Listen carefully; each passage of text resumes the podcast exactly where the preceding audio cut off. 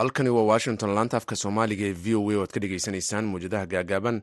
Hirarka efemada geeska africa caalamka oo dhan oo aad naga dhegaysanaysaan bogga v o a somaly com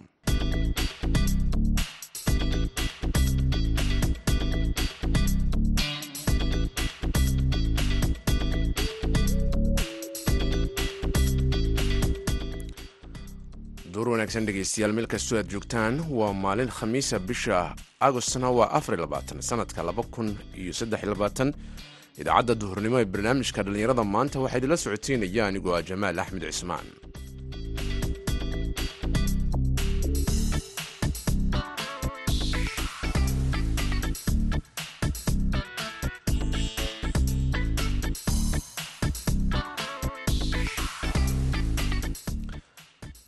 qodobadaan idaacadda duhurnimo ee dhallinyarada maanta idinkugu hayo waxaa ka mid ah caqabadaha ay la kulmaan dhallinyarada soomaaliyeed ee waxbarashada sare ka doonta waddanka kenya. Waxaa ka mid a qofku markuu soomaaliya ka imaanayo kale isagoo wax fikrad ah aan ka haysan jaamacadaha dalkani kenya jaamacadada ugu fiican kuliyadaha qiimahooda imisa nolosha dalkan imise weeye guryaha imisa kaga bixi kara cuntada. Waxyaabahaasoo dhan qofka wax laga yaabaa inuusan wax fikrad ah uusan ka haysan waxaad sidoo kale dhegeysan doontaan duruufaha adag ee ay ku shaqaystaan dhallinyarada qaxootiga kuwa xeryaha dhadhaab ee waddanka kenya. Qodobadaas iyo kuwo kale ayaad maqli doontaan. Intaas oo idilse waxaa ka horeynaya warkii dunida ee ku soo dhowaada dhegeystayaal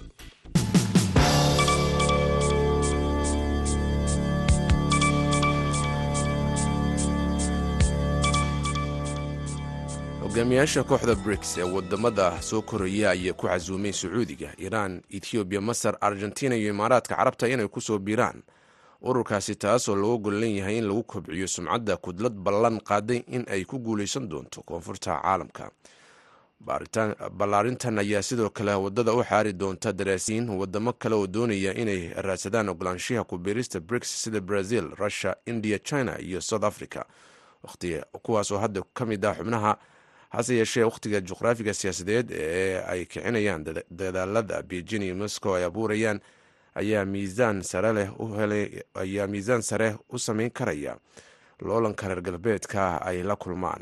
Xubnaha cusub ee musharaxiinta waxaa ku dhawaaqay madaxweynaha koonfur africa serial ramafosa oo martigelinaya shirmadaxeedka madaxda briks briks waxay bilowday bog cusub oo ay ku doonayaan inay ku dhisto adduun cadaalad ku dhisan adduun cadaalad ah adduun sidoo kale loo dhan yahay oo barwaaqa ah ayuu yidhi. Musharaxiinta cusub ayaa si rasmiya loogu ogolan doonaa xubinnimada kowda bisha januari ee sanadka soo socda ramafosa iyo madaxweynaha brazil louis inacio lula de silva ayaa albaabka u furay suuragalnimada in mustaqbalka xubno kale ay ku soo biiraan ururkaasi. Diyaaradda la rumaysan yahay inay qaaday madaxii caloosho shaqaystaha wagner ee yevgeni brigozhin arbacadii dhacday ayaa la sheegaya inaysan muujin wax calaamad dhibaata ilaa iyo soddonkii ilbriqsi ee ugu dambeeyey sida lagu sheegay xogta dabagalka duulimaadka. Razio viastia oo ah hay'ad duulista hawada ee ruushka ayaa sheegtay in brogzhin uu hogaaminayay kacdoon fashilmay riday oo fashilmay bishii juun. Uu ka mid ah tobankii qof ee saarnaa diyaaraddii soo dhacday. Waxay ka soo dushay moscow kuna sii jeeday st petersburg markii ay ku burburtay meel u dhow tuulo ka tirsan gobolka tever wasaaradda xaaladaha deg dega ee dalka ruushka ayaa sidaasi sheegtay. Wax kastaoo dhacay si dhaqsi lah ayay u dhaceen ayuu yidhi batchenik oo ah xubin ka tirsan hay'adda socdaalka hawada. Waxaa laga yaabaa inay la hardamayeen diyaaradda wax kastaoo dhacayna ayuu yidhi batchenik laakiin ka hor dhicitaankeedii ma jirin buu yidhi wax calaamada oo muujinaya in ay wax ka qaldameen diyaaraddaasi. Warkii ayaa dhegeystayaal intaasi ku eg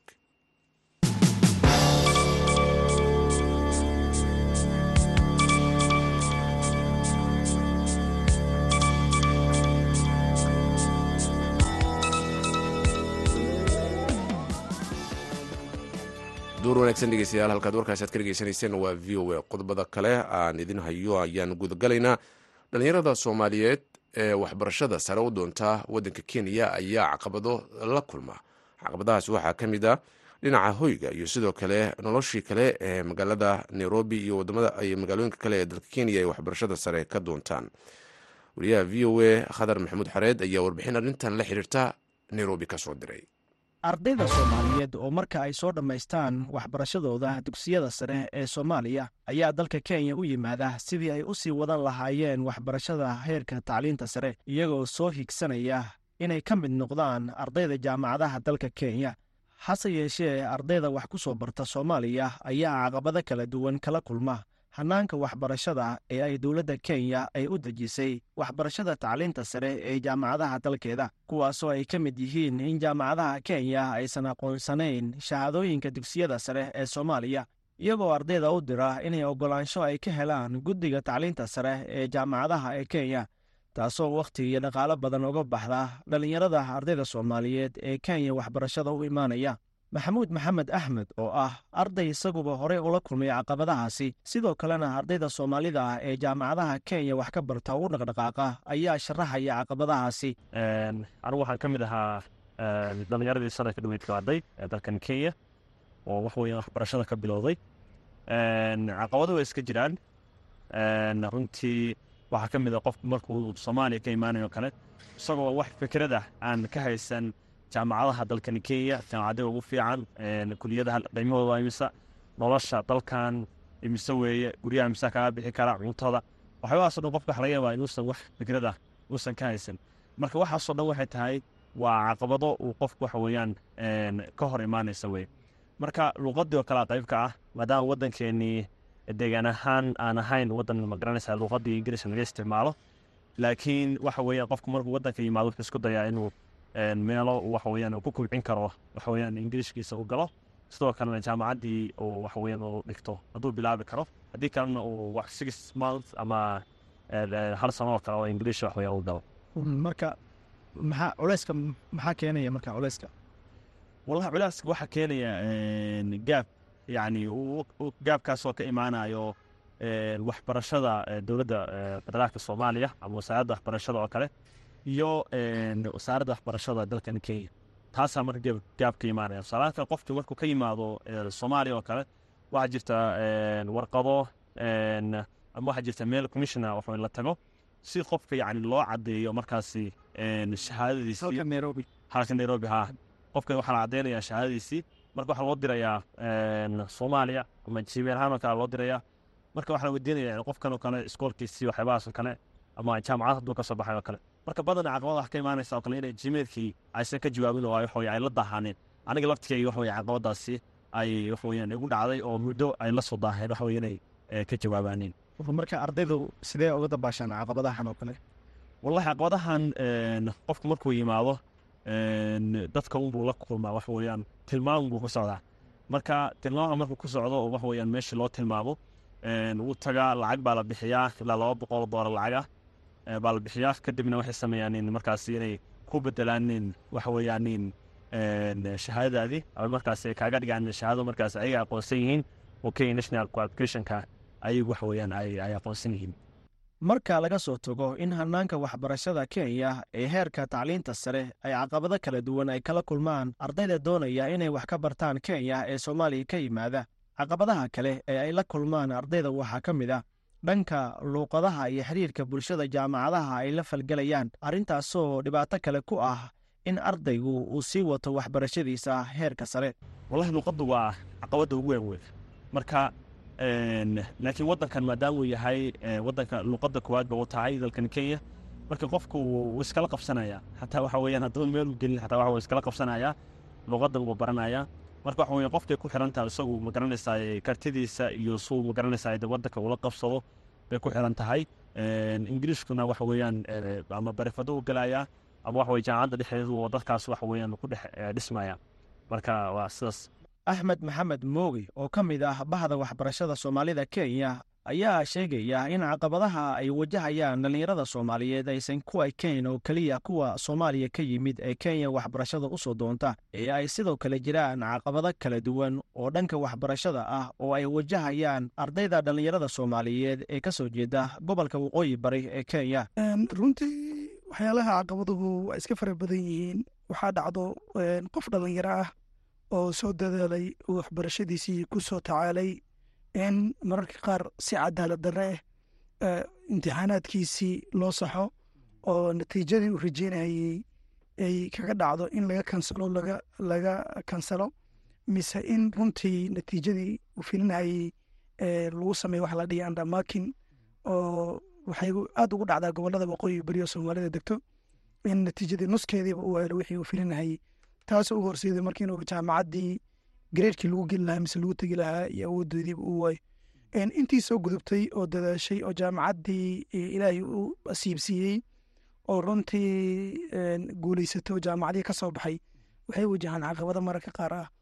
In resourceskii la geeyey countiga mise devolutionka lagu sameeyey in lagu kala qaato mararka qaar qabiileysi si ah oo qabyaalad ku dhisan oo ree hebel iyo ree hebel resourceskii lagu kala bixiyo. Taana mararka qaar ay niijibin runtii dhalintii wax soo baratay oo soo dadaashay arintaa iyadana ay u horseeda riwaad in la siiyo mise shaqo la siiyo dad aanan ku habbooneyn taana waa caqabad aada u weyn oo meesheeda taalo. Ardayda soomaaliya ka yimid ee kenya u soo doonta waxbarashada tacliinta sare ayaa dowladda soomaaliya ugu baaqaya inay wax ka qabato. Caqabadaha ay wajahayaan ardayda doonaysa inay sii wataan waxbarashadooda tacliinta sare wallahi dowladda waxaan u jeedinaa waxay tahay inay xiriir fiican ay la samaystaanin maadaama ardayda ugu badan ay soomaaliya ka yimaadaanin ay dalkan waxa weyan wax ku bartaanin. In loo fududeeyo waxa weeyaan waxbarashadii jaamacadihii ay gelaayeen oo dowladda federaalka markaas waxa weeyaan ay xiriir toosa ay la yeelato wasaaradda waxbarashada waxa weye dalkani kenya si markaasi waafaqsan heshiis ay wada gaaraaniin dadka ka yimaada jaamacaadkaas oo iyo iskoolaadkaas oo la listigareeyo iskoolaadka iyo jaamacaadka dalkii ku yaalla si yacni hadhowdii marka qofku u yimaado aasan muran iyo hadal wax loo gelin waxa weye markaasi iskoolkiisii iyo jaamacadihii markaasi uu ka soo baxay inta uu sugaayo yani inay soomaaliya yani ay ka soo jawaabaan jimeelka ama la leeyahay qofkan soo xaqiijiyo oo kale. Khadar maxamuud xareed v o a nairobi. Aad buu mahadsan yahay khadar dhegeystayaal qodobo kale ayaa inoo soo socda balse aynu ku yara nasanno hees tan uu ku luuqayo fanaanka suldaan seraar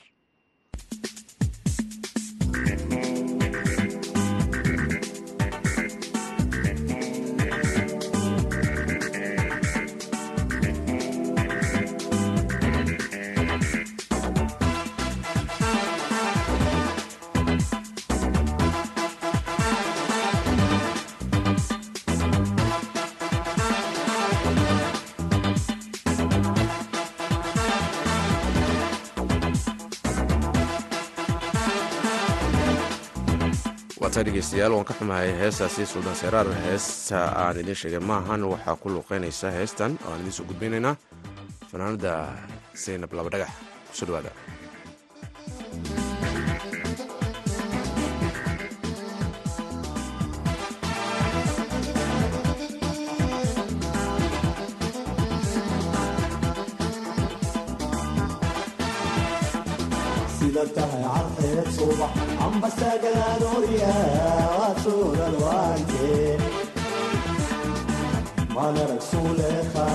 sheekaadu siday tahay quruxkama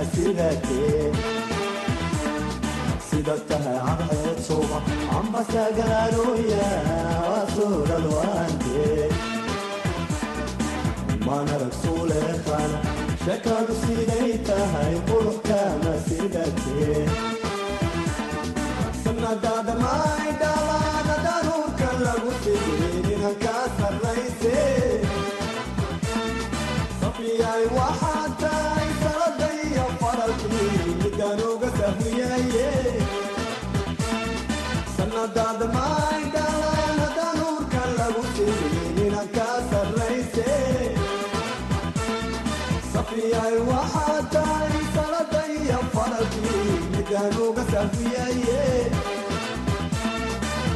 saamin wax tarila amba uusan noqola muddan ku samraaye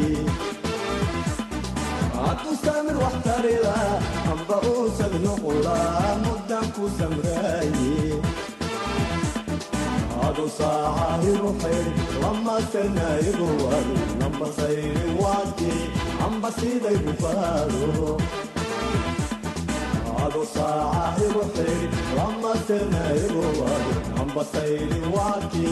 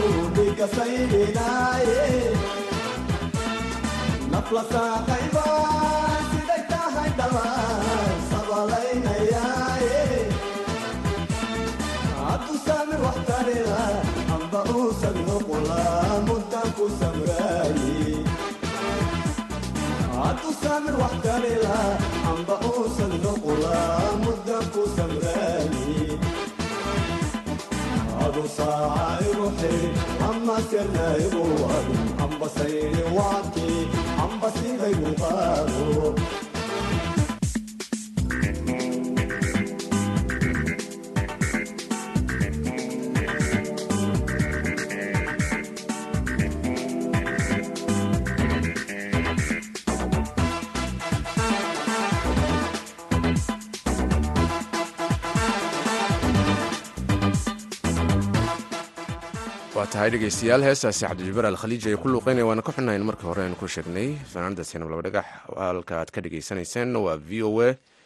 Markana dhadhaab aynu aadno. Dhalinyaro badan ayaa ku dhaqan xeryaha dhadhaab ee dalka kenya kuwaas oo qaxooti halkaasi ku ah qaarkood waxa ay haystaan shaqooyin halka kuwo kalena ay shaqo la'aan yihiin. Shaqooyinka ay qabtaan ayaa kala gedisan waxaana yihiin shaqooyin qaarkood ay adag tahay oo in ay noloshooda ku maareeyaan wariyaha v o a cabdisalaan salas ayaa la kulmay mid ka mid a dhallinyaradaasi oo lagu magacaabo cabdulaahi cabdi isxaaq oo ku shaqaysta caseeyanimada ama inuu kabaha caseeyo. Waxaana ugu horreyn u weydiiyey shaqadan uu qabto iyo sida uu noloshiisa ugu maareeyo. Magacayga waxaa waaye cabdulaahi cabdi isxaaq oo maaragta ku soo barnay qaxootiga. Waayahay cabdulaahi ugu horeen xagee ku dhalatay goormaasa qaxootiga timid?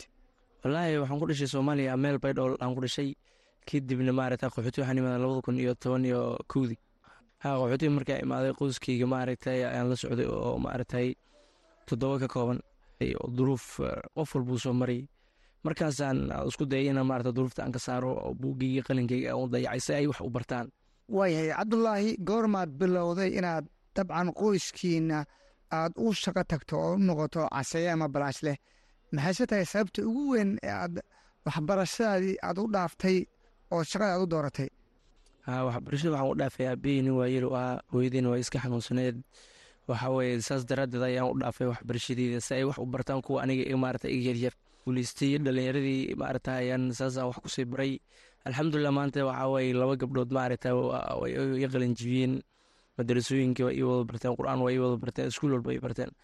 Laba wiil maarata ay waxbarasho hadda igu jiraan ayagana foomtuo igu wada jiraan alxamdulilah haddana waxaan rabaa ina maarata nolol aan ka sii gaaro wax walba waan u jeedaa shaqo badan shaqo yaraan ma lahan. Wax yar marka wax laga balaa wax weyn lagu gaaraa. Marka dhalinyara waa yiisaan soomaali ma shaqaysato. Dadweynaha soomaaliya maarata qaxooti ku ah. Waayo ayakaa la yiisay laakiin ayagaa meesha is dhigay. Waayahay cabdulaahi shaqada halkeen waad ka bilowday maxaase kuu qasbay inaad doorato inaad noqoto caseeye shaqada waxaan ka bila xasee aan ka bilaabay. Saacadii bahalada raangeyaan lagu gado waxaa waaye waa luujitadu waa iska raqiis. Shaqadan waa shaqo iska fudud maali ma ahan si dhaqsan lacaga kugu soo gelaysa lacagta waa in la yisaa lacagtaa yarayso faa'iido badan oo ku jirto. Maanta hadda berigii aan dhagaxli aan ka shaqayn jiray abaara laga joogay inkastoo wadan badan aan soo maray kenya gudaheeda ah waan ku soo wareegay mobile shushayna ama casaa wareega loo yaqaano dad badan hadda ay garanayaan. Waayahay deegaanadii u shaqa tagtay markaad qaxootiga ka tagtay. Waxaan aaday maaragtay qaxootigan ka tagay habaasweynaan aaday wajeeran aaday si aan nolol ahaa anoo aan garanayni hataa meel aan garanayni aqaabo badanaa kala kulmay hataa waxyaalo badan lagu tilmaamo balse ragga duruufuu soo maray dibnuhu ka guuleysta sabar dulqaad badan. Alxamdulilah waa ka guuleystay. Anoo lii ayaan ka soo tagay ha maaragtay meeshii markaan aaday shaqo fiicanaan ka helay waxaan soo bilaabay in maarata qoyskeyga aan soo biilo shaqadii shaqi waa ku filnaa. Hooyadii aabahiin oo ii duceen marle ii duceen. Alxamdulilah hadda guushooda ayaan maaragtay aan ku socdo waalidiintaas hadday ku duceeyeen waxaa waye weligaada maarata dhib ma arkaysid. Dhalinyarada yar ee ka shaqeeyo casaynta kabaha. Inta badan waxaa arkaa in la dhibaateeyo. Adigoo deegaan ka baxsan halka aad ku nooleed u shaqo tegey caqabadihii aad la kulantay maxaa nooga sheegi kartaa?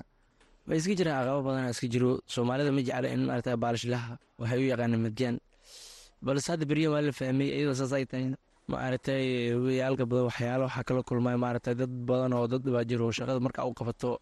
Oo dad waaweyn hataa da ku jiro waxaad arkaysa lacagtaada la tegayo kumadaraaweynaayo laakiin waxaa jirto maaragtay ilmaha maaragtay waxbarasho markii aadaan iskuuleyda markaan arko aninaan baalish la-ahayn waxaan dareemi jiray ii badan in badan maaragtay ay dadka ay u maleeyaan inaad hurdo sideed saabeenimo aniga salaatoliilan dugu jiro iska oyn jiray ciil daraaddeeda waayo caqabado aan la kulmay. Waayahay ciyaalka caseeya waxaa dhibo ciyaal kale oo dabcan dibjir ah. Sideeba marka adiga aad ula qabsatay noloshii? Walaahi waa iska jiraan dhibaato badan iska jirto. Habeenkuu lacag ka hadaa jiro kuwa dhagaxeynaa jiro. Waayo ninka uu cabsan yahay balwaduu leeyahay gaamuu cabaa ama koolu dhuuqaa. Maskaxdiis ma joogto. Adi marka dambe waa waxaan rafaad badan asla marnay waan asbaranay wax walba dhib walba igu dhacayo maarata waxaan u maraya walaalaheyna caawiyo oo maarata waalidiinteeda aan garab istaago si aan qoyska u caawiyo. Waqti walba wax walba igu dhacaan maarata diyaaraan u ahay waayo walaalaheygaan maarata garabkooda aan taaganahay. Cabdulaahi sideed sana kadib xerya ayaa ku soo laabatay. Safarkaagii shaqatagga ahaa ee waqtiga dheer qaatay maxaa kaaga qabsamo oo maanta is leedahay guul baad ka gaartay. Alxamdulilah walaalaheyga ayaa wax ii bartay. Bartay laba gabdhood ayaa maarata madrasii dhammaysay. Labana fomtu ay dhigtaan. Guusha waa iska cadaya waayo wax walba aa ku daraysa waa gaaraysaa. Adduunyada waxaa waa saddex labaatanood labaatan adiga wax lagu baraayo labaatan dhexda labaatan adiga da'aa tahay. Waayahay waqti dheer kadib qorshahaaga ma ku jirtaa inaad waxbarashadib ugu laabato. Waxaan rabaa inaan maarata dhanka diinta maaragtay. Marka waxaa weye diinta inaan xoogga saaraan unbaan rabaa. Waayahay ugu dambeyntii fariinta aad siinayso bulshada qaxootiga maxay tahay? Salaanow shaqadan maarata shaqa baalashlaa dadka way liidaan. Weliba ciyaalka soomaalida way liidaan. Waa nin waxaad arkaysa gaajo u dhimanayo oo tuugsanayo tuugsanay shaqadan way liidi. Waxaa fiican shaqa adayga inaad geshid baalashlaa inaad ka shaqaysid shaqaa sharafle shaxaada aabe ha maarata shaqada shaqa maarata aad dib u maraysa maarata gasaca raanka iska qaadanaysaa waxaad iska qaadanaysaa. Si fudud waxay kugu soo gelayaan waa tahay kaasi waxa uu ahaa cabdulaahi cabdi isxaaq oo uu warameeyey wariyaha v o a dhadhaab cabdisalaan salas halkaad ka dhegeysanaysaan waa v o a markana wararkii ugu dambeeyey ciyaaraha ayaan idiin soo gudbinayna waa kana maxamuud mascade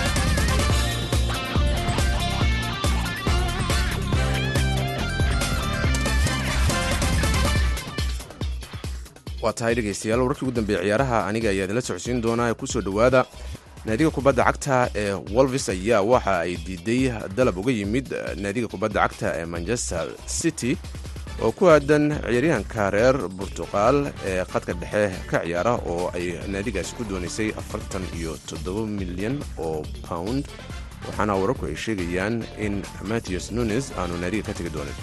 Wolvis ayaa la soo saxiixatay ciyaaryahanka afar labaatan jira oo shan sano oo qandaraas ah uu kula joogayey xagaagii laga soo gudbay isagoo kaga soo biray soddon iyo siddeed milyan oo pound naadiga sporting lisbon ee dalka bortugiiska city waxa ay doonaysaa in qadkeeda dhexe ay xoojiso markii uu ka dhaawacmay ciyaaryahan kevin debroyn oo isagu la sheegay in uu ciyaaraha ka maqnaan doono muddo afar bilood ah. Waxaa sidoo kale ay xiisanayeen ciyaaryahanka garabka naadiga crystal palace ee easy oo shan labaatan jir ah kaas oo sameeyey kulankiisa ugu horreeyey ee xulka dalka ingiriiska isaga bishii juun ee laga soo gudbay. Naadiga kubadda cagta inter miami ee ciyaaryahan lionel messi ciyaaro ayaa waxa ay gaartay koobka faynalaha ee u s open cup la yidhaahdo markii ay rigoorooyin kaga adkaadeen naadiga cincinnati.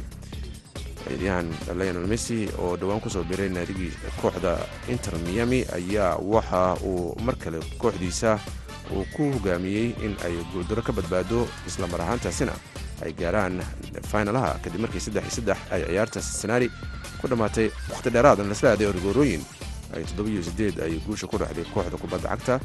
Goolasha guud marka la isku daro macal goolashii caadi laska dhaliyey kooxda inter miami. Inkastoo naadiga ohio ka dhisan ay ku horumareen labada gool ugu horreysay ayaa daqiiqadihii ugu dambeeyey naadiga kubadda cagta ee inter miami barbaraysay goolashaasi lagu lahaa oo markaasi uu u dhaliyey labada gool ee barbaraha xayriyan kampana daqiiqadii lixdan sideedaad iyo sagaashan iyo toddobaad. Dhegaystayaal waxaa sidoo kale la ciyaaray kulmo ayaa dhacay waxaana kulmada ay ahaayeen kuwo indhaha lagu hayay oo kooxaha kubadda cagta ee horyaalada kalgedisan ay ciyaarayeen iyadoo sidoo kalena aan barnaamijyadeena dambe idinkugu soo gudbin doonno sida ay kooxuhu u ciyaareen iyo sida markaasiba ay kooxuhu isku arki doonaan kulmada kale ee soo socda ee dhici doona guud ahaanba yurub iyo dalalka kale caalamka. Xubinta ciyaaraha ayaan taas ku eg dhinacii heesaha ayaanu jallaacaynaa markan ku soo dhawaada heestan